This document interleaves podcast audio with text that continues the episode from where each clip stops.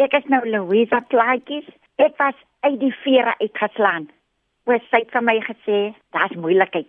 En ek sê, "Ooh, ooh, ooh, ooh. Lekker, lekker, lekker, lekker, lekker, lekker." Dis maar nou sommer om soos soos uh, uh, uh ek raak nou ouma. Ek is so uit die vere uitgeslaan en pappa is ook dieselfde. Hy so hy's net so uitmekaar uit want ons gaan ouma raak en oupa raak. Dit was nou ek selfs want ek het nie gedink dat sal gebeur nie.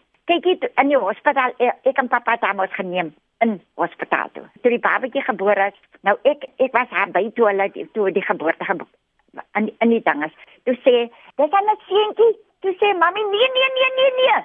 En die dokter het nou natuurlik haar gesê dat gaan 'n dogtertjie wees. En nou hier kom ek met 'n met 'n seentjie sien jy.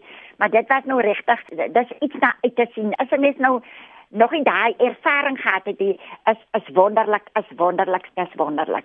Hallo, dis June Cornelis van Stellenbosch. Jong, ek wil vir jou net vertel, ons laaste enetjie van my dogter is 12 jaar gelede gebore. En ons kon nog nie meer wag vir die ou laaste dingetjie wat nou nog moet kom van jongste boetie af nie. En hier sê Timmy vir ons mami, ons gaan 'n duur bottel whisky koop.